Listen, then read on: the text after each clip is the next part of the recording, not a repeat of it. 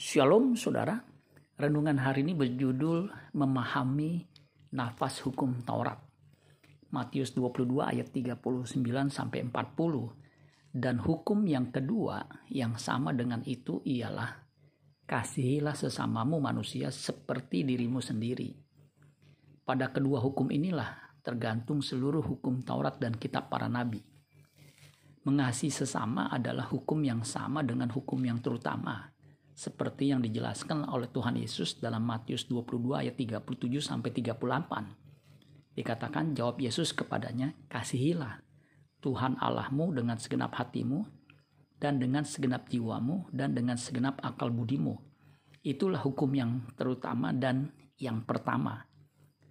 Dua hukum ini adalah dasar atau nafas dari hukum Taurat dan kitab para nabi Orang percaya harus paham nafas dari semua hukum Taurat yang mengatur hubungan antara manusia.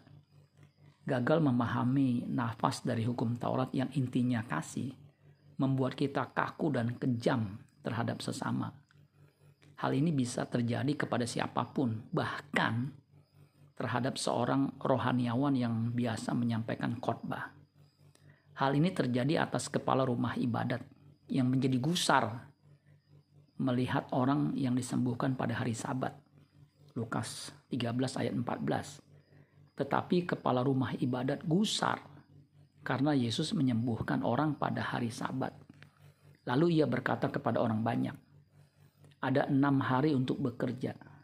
Karena itu datanglah pada salah satu hari itu untuk disembuhkan dan jangan pada hari sabat.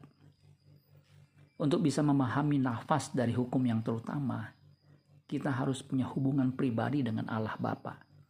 Untuk itu kita harus menyediakan waktu setidaknya 30 menit setiap hari untuk bersaat teduh secara pribadi.